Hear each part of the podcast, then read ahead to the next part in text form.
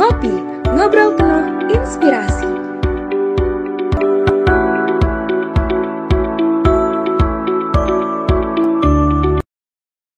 Selamat malam Sobat Ngulik, balik lagi ke podcast Ngobrol Penuh Inspirasi. Gimana nih kabar teman-teman?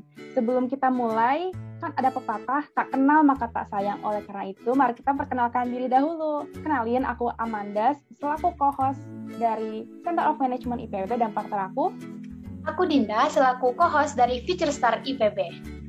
Nah, hari ini kita mau ngapain ya, Din?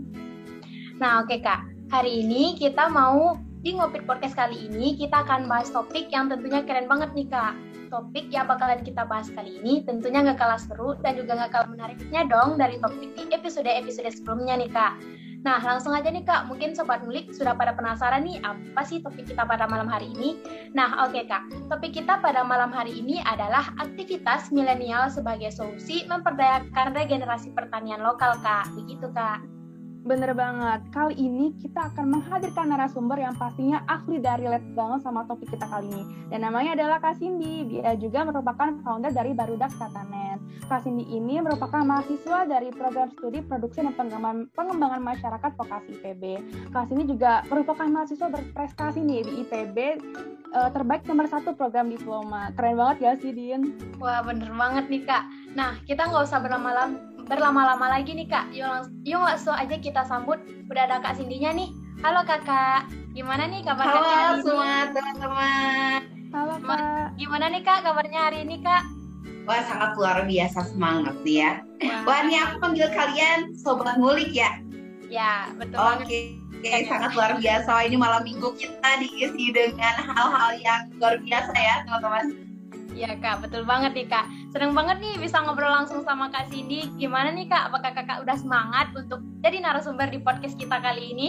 Wah sangat luar biasa nih. Wah. Aku bukan narasumber ya, tapi kita teman uh, santai gitu ya untuk sharing-sharing dan bercerita ya. Oh, kalau misalnya dibilang narasumber tuh kayaknya berat banget gitu ya, karena ini kan malam minggu ya. Jadi kayak kalau misalnya kita bawa-bawa wah narasumber tuh kayak topiknya bakal berat gitu loh. Tapi kan uh, sekarang kita sesi-sesi sharing dan uh, cozy-cozy aja gitu ya. Siap kak, oke kak. Langsung aja nih kak, kita ke pertanyaan pembuka ya kak yang bakalan ditanyain oleh kak si kak Amanda sendiri kak. Boleh, makasih Dinda. Halo Kak Cindy nih, boleh aku kepo banget tentang kakak, boleh kita lebih jauh tentang kakak seperti educational background, terus juga awal karir kakak, terus karir kakak yang lagi kakak rintisin saat ini, terus juga boleh diceritain dikit tentang aktivitas kakak dan juga personal life gitu kak. Boleh kak? Wah sangat luar biasa menarik sekali. Terima kasih Amanda atas uh, pertanyaannya cukup panjang sekali ya. Oke teman-teman sebelumnya perkenalkan kembali nama aku Cindy Beroktaviani. Tapi uh, sobat apa tadi disebutnya sobat ngulik ya? Sobat ngulik bisa panggil aku Cindai. Aku uh, mahasiswa tingkat akhir dari jurusan teknologi produksi dan pengembangan masyarakat pertanian di sekolah vokasi IPB dan kebetulan aku baru beres sidang nih berarti udah dinyatakan lulus ya. Berarti bukan mahasiswa tingkat akhir lagi nih mahasiswa lulusan ya. Lulusan dari sekolah vokasi um, mungkin aktivitas saat ini aku aktif dan uh, komunitas uh, yang sekarang aku bangun menjadi yayasan yaitu komunitas baru Tatanan dan uh, alhamdulillah mungkin sekarang sedang mengurus uh, kelulusan ya mengurus kelulusan. Uh, mungkin itu sih aktivitas aku saat ini selain uh, mengurus di komunitas uh, baru Tatanan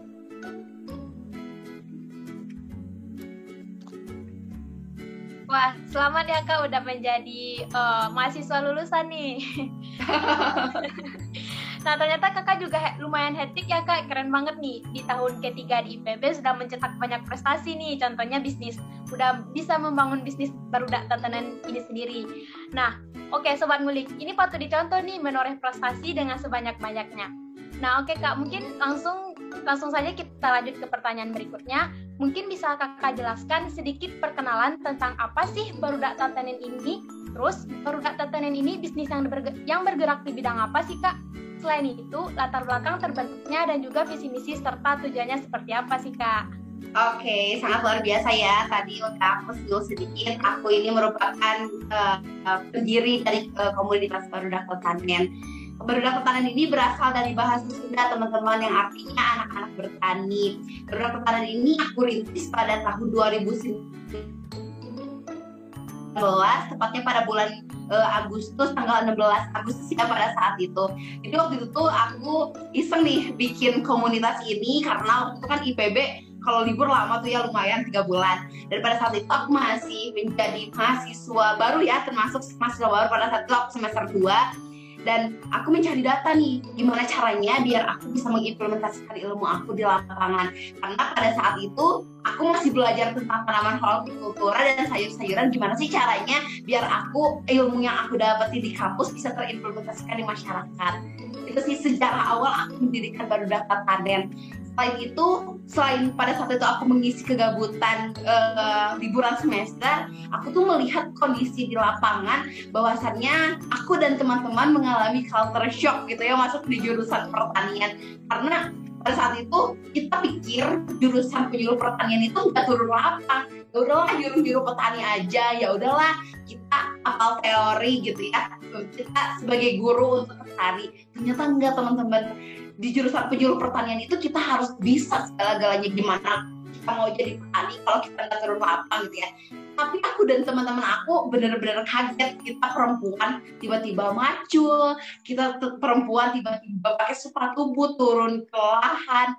Dan yang paling mirisnya lagi pada saat itu aku dan teman-teman uh, mengelola uh, tanah sedikit cuma empat petak itu kita di PR sampai minggu depan. Tapi fakta di lapangannya para petani di Indonesia itu berhektar-hektar luas banget bertumbak-tumbak itu diolah sendiri teman-teman. Dan itu yang bikin hati aku tercambuk pada saat itu. Dan akhirnya aku mencari data ke dinas pertanian di mana sih desa yang tepat untuk aku kunjungi, untuk aku implementasikan ke ilmu aku kepada masyarakat. Dan kenapa aku mendirikan komunitas baru pertanian ini? Karena sebenarnya passion aku itu di bidang anak. Karena pada saat SMA aku aktif di forum anak daerah. Dan gimana sih caranya biar apa yang aku suka relate dengan apa yang aku pelajari gitu. Akhirnya aku berfokus sasarannya kepada anak-anak petani karena aku juga melihat bahwasannya kondisi pemuda di Indonesia di sini tidak menjadikan sektor pertanian menjadi faktor untuk mencapai kesuksesannya. Karena mereka menganggap pertanian itu adalah kotor, pertanian itu harus panas-panasan, pertanian itu ya eh, panas lah ya eh, dan tidak eh, dijadikan cita-cita utama sebagai kita sebagai pemuda gitu. Akhirnya aku mendirikan komunitas baru dan Pertanian ini yang mana kita bertujuan untuk merubah mindset uh, anak-anak petani dan pemuda bahwasannya pertanian itu nggak sekotor itu tapi kita bisa mengolah uh, dari hulu hingga hilir dan kita bisa menjadi petani milenial mungkin itu sih sedikit dari uh, baru dan pertanian ya Wah, keren banget nih Kak Cindy. Jadi jadi baru Tataran itu didirikan pada tanggal 2019 ya Kak, berarti sekitar 2 tahunan ya Kak? 2 tahun yang lalu, betul sekali. Bener banget. Ini Kak Cindy baru maba kita tiga bulan liburan tapi udah produktif banget nih untuk research dan benar-benar mengabdi kepada di, mengabdi diri kepada petani gitu dan udah aware banget nih sama isu petani-petani. Terus dengar perjuangan nih ngeritis dari awal sampai aku speechless tapi uh, hal itu nggak membuat kakak menyerah gitu demi petani yang ada di Indonesia ini. Terus juga buat teman-teman sobat ngulik, ingat nih pesan dari kasih ini tentang kalau pertanian itu benar-benar luas gitu, nggak yang hal-hal yang kotor-kotor bakal kita pegang gitu. Dan itu kan juga merupakan salah satu sektor yang penting di Indonesia saat ini ya kak. Jadi kayak ayolah jangan sampai kita melupakan pentingnya sektor pertanian di Indonesia ini gitu. Nah, aku mau nanya nih Kak, terkait pertanian lokal di sini apa sih pentingnya atau urgensi diperlukannya regenerasi pertanian lokal itu sendiri dan apa dampaknya gitu pada jangka panjang jika hal ini dilakukan boleh kak? Oke sangat luar biasa sekali kita udah tahu ya eh, kita semua udah tahu bahwasannya Indonesia ini merupakan negara agraris dengan kondisi geografis yang strategis gitu ya bisa ditanami berbagai uh, komoditas sayur-sayuran tanaman pangan dan berbagai macam tanaman yang lainnya. Tapi aku lihat di lapangan bahwasannya banyak sekali petani yang uh, berumur lebih dari 60 tahun atau berusia sudah tua gitu ya dibandingkan dengan uh, petani berusia uh, umur di bawah 25 tahun seperti itu. Nah, jika hal ini uh, terus terjadi dan petani uh, milenial atau generasi petani tidak ada, gimana nih cara mempertahankan negara kita sebagai negara agraris gitu. Dan di sini pentingnya adanya regenerasi petani oleh karena itu ya emang balik lagi pada tujuan baru pertanian yaitu mewujudkan eh, regenerasi petani berbasis agrosocialpreneurship.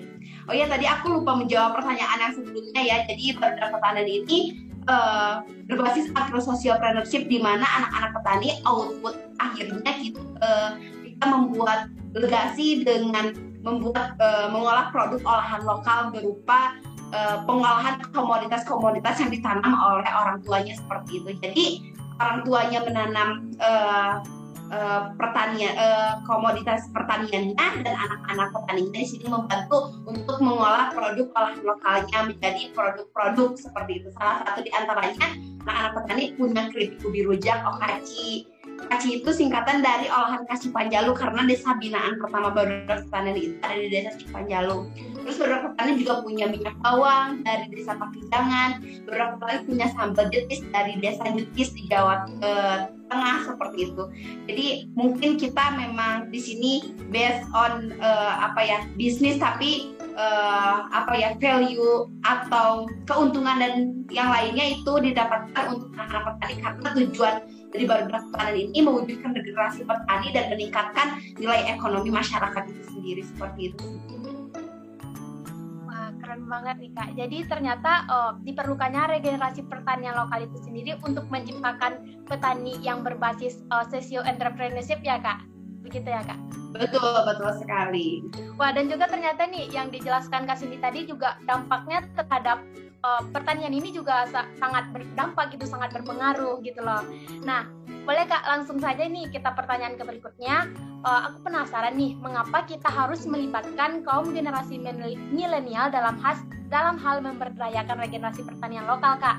Apa saja potensi yang harus pemuda milenial miliki untuk membangun pertanian bangsa, Kak? Boleh, Kak? Oke, okay, sangat menarik sekali ya. Kenapa harus kita gitu? Kenapa harus uh, pemuda gitu? Wah, sangat menarik ya. Karena di sini kita memiliki masih memiliki banyak tenaga ya teman-teman kita. Aku yakin gitu. Uh, sebagai pemuda kita mahasiswa-mahasiswa pertanian punya inovasi yang sangat menarik apalagi anak-anak IPB ya dikenal dengan kampus inovasi dan anak-anaknya itu sangat kreatif sekali gitu ya dan aku yakin jika ide-ide kalian di masyarakat diterapkan juga dibagikan kepada teman-teman kita yang tidak kuliah atau yang belum mendapatkan kesempatan seperti kita menginjakan di bangku kuliah gitu ya. Kita bisa berbagi ke mereka kita bisa mengimplementasikan dan kita bisa berkolaborasi dengan mereka. Jadi perlunya kita dan ini memang uh, khususnya kita ya mahasiswa pertanian dan ini adalah tanggung jawab kita yang kita emban uh, untuk uh, mengabdikan diri kepada masyarakat dan tanggung jawab kita sebagai mahasiswa pertanian itu ada di tangan kita gitu ya untuk meneruskan dan mempertahankan negara kita sebagai negara yang agraris seperti itu teman-teman. Wah bener banget nih kan kita pem masih pemuda ya mahasiswa gitu. Betul. Iya masih banyak tenaga gitu. Terutama teman-teman yang lagi nonton mahasiswa ITB yang merupakan di kampus penuh inovasi gitu. Kalau misalnya kita kan ilmu yang dekat dengan pertanian bisa nih diimplementasikan, diimplementasikan dengan memberikan ilmu-ilmu kita ke teman-teman gitu biar kita bisa berkolaborasi gitu. Nah uh, jujur aku aku mau nanya nih kak, kegiatan atau gerakan apa aja sih kak yang biasa dilakukan oleh para anggota baru barudak tatanan ini, terus juga apakah barudak tatanan ini memiliki beberapa kegiatan rutin nih kak, mungkin dari mingguan atau bulanan atau tahunan dalam hal berkontribusi untuk pertanian di Indonesia, boleh kak? Oke, okay. Jadi barudak tatanan itu sendiri kita melihat beberapa permasalahan di lapangan ya. Jadi itu based on experience gitu ya. Uh, kalau barudak tatanan dibentuk karena keresahan aku pribadi pada saat semester awal masuk kuliah tapi menyelesaikan permasalahan pertanian di lapangan khususnya uh, the permasalahan regenerasi petani ya. Jadi permasalahan yang kami lihat di lapangan itu ada tiga teman-teman.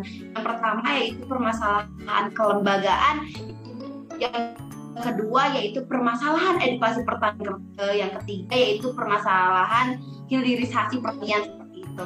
Di mana uh, anak-anak petani ini tidak terdata, di mana anak-anak petani ini uh, biasanya para penyuluh pertanian itu lebih fokus kepada gapoktan dan juga ibu-ibu KWT tidak mengenya, uh, tidak mengedepankan uh, karang tani sehingga mereka tidak mendapatkan uh, apa legalisasi yang kuat seperti itu. Jadi uh, di sini minimnya regenerasi petani juga karena faktor tidak terdatanya anak-anak petani seperti itu. Uh, yang kedua mereka tidak terdata karena uh, mereka biasanya hanya berkumpul-kumpul aja, nggak uh, nggak dilegalisasikan melalui SK Tani.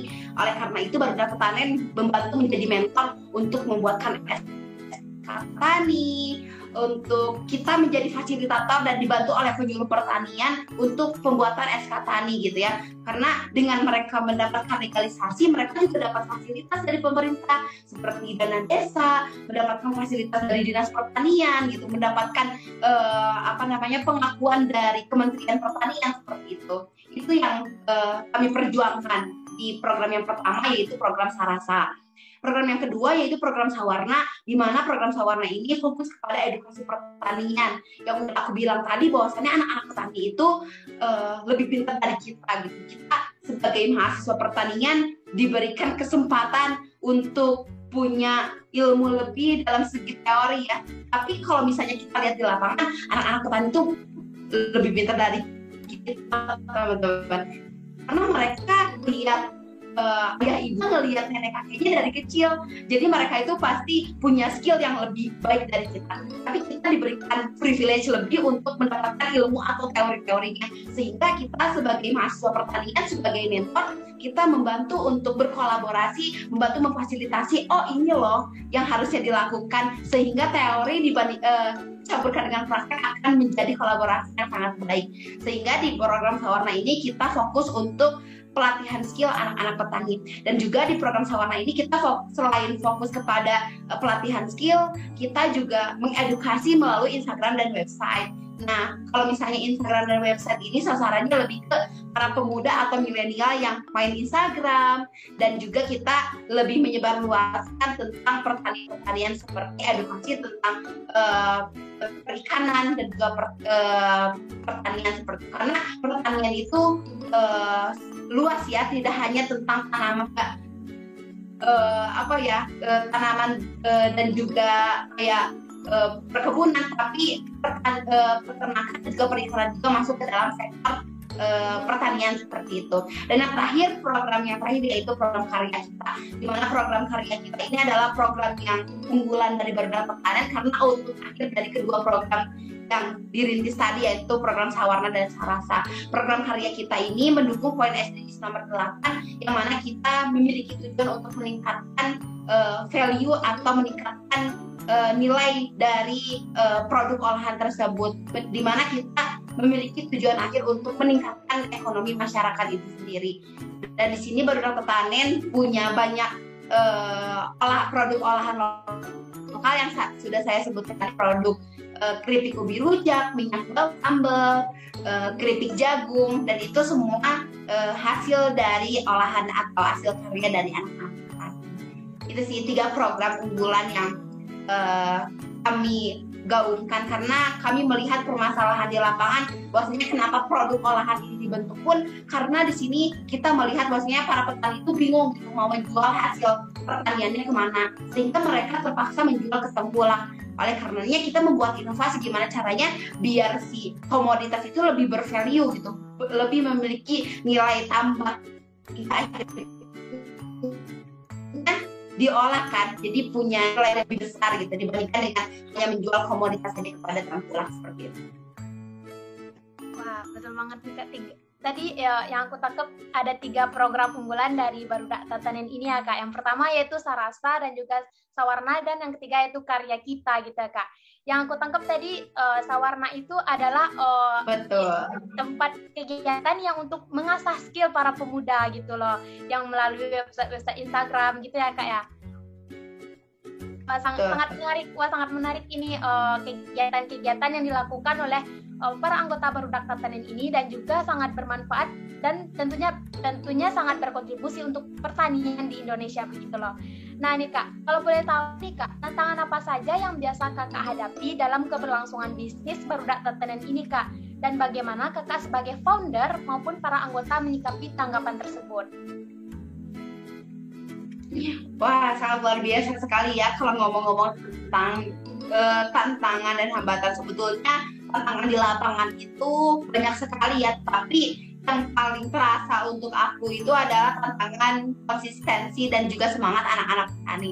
Di sini kita sebagai mentor, kita sebagai mahasiswa, kita sebagai BPH dari Barudak Tatanan itu sendiri semangat nih, semangat dalam uh, menggaungkan dan juga menegakkan isu-isu uh, pertanian di lapangan. Tetapi anak-anak petani mulai menurun konsistensinya, mulai turun semangatnya itu yang menjadi challenge aku sendiri ya pribadi.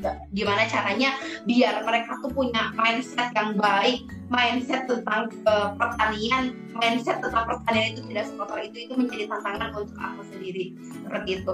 Dan juga mungkin uh, tantangan terberat lainnya karena di sini stigma dari anak-anak atau stigma dari pemuda tentang pertanian ya. Bahwasannya mereka masih menganggap pertanian itu buruh tani seperti itu. Padahal pertanian yang sesungguhnya itu kita bisa menjual hasil produk olahan lokal, kita bisa menjadi uh, apa ya, menjadi jembatan antara petani untuk menjual produk-produk uh, produk-produk pertaniannya kepada uh, apa ya offtaker yang lebih besar lagi gitu tidak hanya ke tengkulak sehingga memiliki pendapatan yang lebih gitu. itu menjadi tantangan sih untuk kita apalagi kita harus uh, bisa beradaptasi dengan teknologi dan itu menjadi tantangan untuk kita menerapkan teknologi untuk anak-anak petani bisa beradaptasi uh, di era 4.0 ini. Dan menurut aku itu tantangannya uh, uh, teratasi jika kita berkolaborasi dengan berbagai uh, stakeholder dan sudah ketahui bersama bahwasannya kita ada skema pentahelix ya yang mana kita berkolaborasi dengan uh, pemerintah, dengan institusi akademisi, komunitas dan juga media. Itu hal yang penting sih untuk mengapresiasi anak-anak petani bahwasannya oh ternyata kita banyak yang ngedukung ya. Oh ternyata isu ini tuh isu yang sangat penting ya yang ada di Indonesia. Itu sih pentingnya kita berkolaborasi dengan berbagai stakeholder untuk menghadapi tantangan-tantangan yang terjadi di lapangan. Wah, keren banget nih jawaban Kak Cindy. Ternyata tantangannya itu merupakan konsistensi dan semangat dari para petani itu sendiri ya Kak. Tapi Kak Cindy juga punya mindset nih untuk gak cepat nyerah, terus juga menggaungkan mindset ke, mindset ke pemuda lain bahwa kita juga bisa melakukan berbagai hal tentang pertanian ini. Terus juga dibuat anak teknik, anak pertanian, anak ekonomi, komunikasi, bisnis, dan masih banyak lainnya teman-teman mahasiswa yang bisa berkontribusi nih terhadap isu-isu yang ada pertanian ini. Oleh karena itu, yuk kita dukung dan aware tentang pertanian di Indonesia. Nah, aku sebenarnya jadi apa jadi tertarik nih untuk menjadi untuk menjadi anggota dari Badak Tantanen. Terus aku mau nanya nih kak, uh, gimana caranya untuk bergabung menjadi bagian dari Barudak Tatanen. Mungkin banyak nih pemuda milenial termasuk sobat mulik yang lagi nonton nih di malam ini dan juga ingin berkontribusi berkontribusi terhadap potensi pertanian yang ada di daerah mereka. Mungkin mereka juga bingung nih bagaimana mereka uh, harus bertindak tuh Kak untuk memulai dari awal. Boleh Kak? Oke, sangat luar biasa sekali. Saya eh, selaku tim dari Baruda Ketanen sangat terbuka sekali untuk sobat ngulik bergabung kepada kegiatan-kegiatan kita gitu. Karena di sini kita kita melakukan seleksi sama sekali karena eh, kami yakin gitu orang-orang yang mau mendaftar adalah orang-orang yang yakin, orang-orang yang mau menjadikan dirinya uh, untuk mengabdikan dirinya kepada masyarakat dan mau belajar seperti itu. Jadi untuk sobat mulik yang mau bergabung silahkan DM di @baroedakTatanen karena di sini kita sedang menggaung-gaungkan uh, apa ya ketiga program yang akan kita terapkan di 33 provinsi uh, provinsi di mana kita butuh patron, butuh kalian, butuh apa ya, butuh tangan kanan untuk uh, mengembangkan sayapnya ke berbagai desa untuk mewujudkan regenerasi petani. Jadi untuk teman-teman yang mau bergabung, silahkan DM Baroedak Panen. Nah, Sobat Gulik itu ya cara untuk bergabung silakan DM uh, Instagramnya @barudaktatanen. Nah boleh dicatat nih nama Instagramnya dan juga langsung di follow ya dan juga langsung di DM nih adminnya Barudak Tatanen. Nah baik kak ini pertanyaan terakhir nih kak apa sih harapan kakak ke depannya untuk Barudak Tatanen ini sendiri? Dan juga apa pesan kakak untuk Sobat Ngulik nih yang sedang menonton podcast ini? Oke, okay. harapannya yang pertama untuk Barudak Tatanen itu sendiri ya, khususnya untuk anak-anak petani. Harapan aku semoga uh, kita anak-anak petani dan juga kita sebagai mahasiswa pertanian mau menegakkan, mau berada di garda terdepan khususnya untuk pertanian di Indonesia gitu ya. Karena itu adalah tanggung jawab kita sebagai pemuda yang ingin mewujudkan Indonesia menjadi Indonesia tahun 2045. Bagaimanapun caranya kita harus menjadikan diri kita menjadi uh, orang yang inovatif, kreatif dengan berbagai cara yang bisa kita lakukan seperti itu. Dan aku yakin gitu anak-anak petani akan menjadi lilin-lilin bangsa, akan menjadi berlian gitu ya, akan menjadi aset untuk negara kita gitu ya. Itu harapan aku untuk uh, anak-anak petani gitu ya. Dan untuk teman-teman semua, aku yakin gitu banyak sekali inovasi, banyak sekali uh, hal yang bisa kita lakukan uh, untuk uh, mewujudkan Indonesia menjadi Indonesia emas tahun 2045 dengan cara apa pun itu. Jadi kita di sini berjalan bersama mencapai um, misi yang sama, kita berkolaborasi karena di sini kita bukan bersaing, tapi kita uh, berjalan bersama untuk mewujudkan misi yang sama. Jadi untuk teman-teman semua kita uh, bisa berkolaborasi dan juga semangat untuk uh, mewujudkan mimpi-mimpi bangsa dan mimpi negara dan di komunitas warga pertanian uh, teman-teman bisa menjadikan ini sebagai wadah untuk teman-teman belajar seperti itu. Wah, sebenarnya dari Kak Cindy ini aku simpulin kita sebagai mahasiswa tuh bener ya sebagai garda terdepan gitu, agent of change. Mungkin kita bisa menjadi anggota dari baru Tatan ini kak. Karena aku uh, aku juga tertarik nih mungkin teman-teman sobat mulik juga pengen ikut bergabung tuh atau juga ikut mendirikan komunitas cinta pertanian Indonesia dan juga ingin membantu atau membangun aset-aset di Indonesia. Terus juga lakukan inovasi juga apa pun itu yang bisa kita lakukan. Nah nih makasih banyak banget kak Cindy untuk insight-nya. Semoga sobat mulik bisa mendapat manfaat dan bisa menjadi inspirasi buat ke depannya dari podcast kita di episode ini. Makasih kak Nah, jangan lupa untuk like, komen. Oke. Okay. Ya. sangat luar biasa sekali. Ya, makasih Kak untuk waktunya. Nah, teman-teman Sobat Ngulik, jangan lupa untuk like, komen, subscribe YouTube ini. Teman-teman Sobat Ngulik juga bisa nonton yang Ngopi Podcast dengan episode lain, karena bakal banyak banget nih insight yang akan kalian dapatkan. Dan uh, aku akan akhiri episode podcast kali ini. Aku Amanda, selaku host dari Center of Management IPB. Aku Dinda selaku co-host dari Future Star IPB dan terakhir nih, jangan lupa untuk follow Future Star di Spotify. Terima kasih dan selamat malam semuanya. Bye bye. Kasih untuk sobat ngulik yang udah ngedengerin ngopi podcast kali ini dan jangan lupa untuk tetap stay tune di ngobrol penuh inspirasi selanjutnya. Bye bye.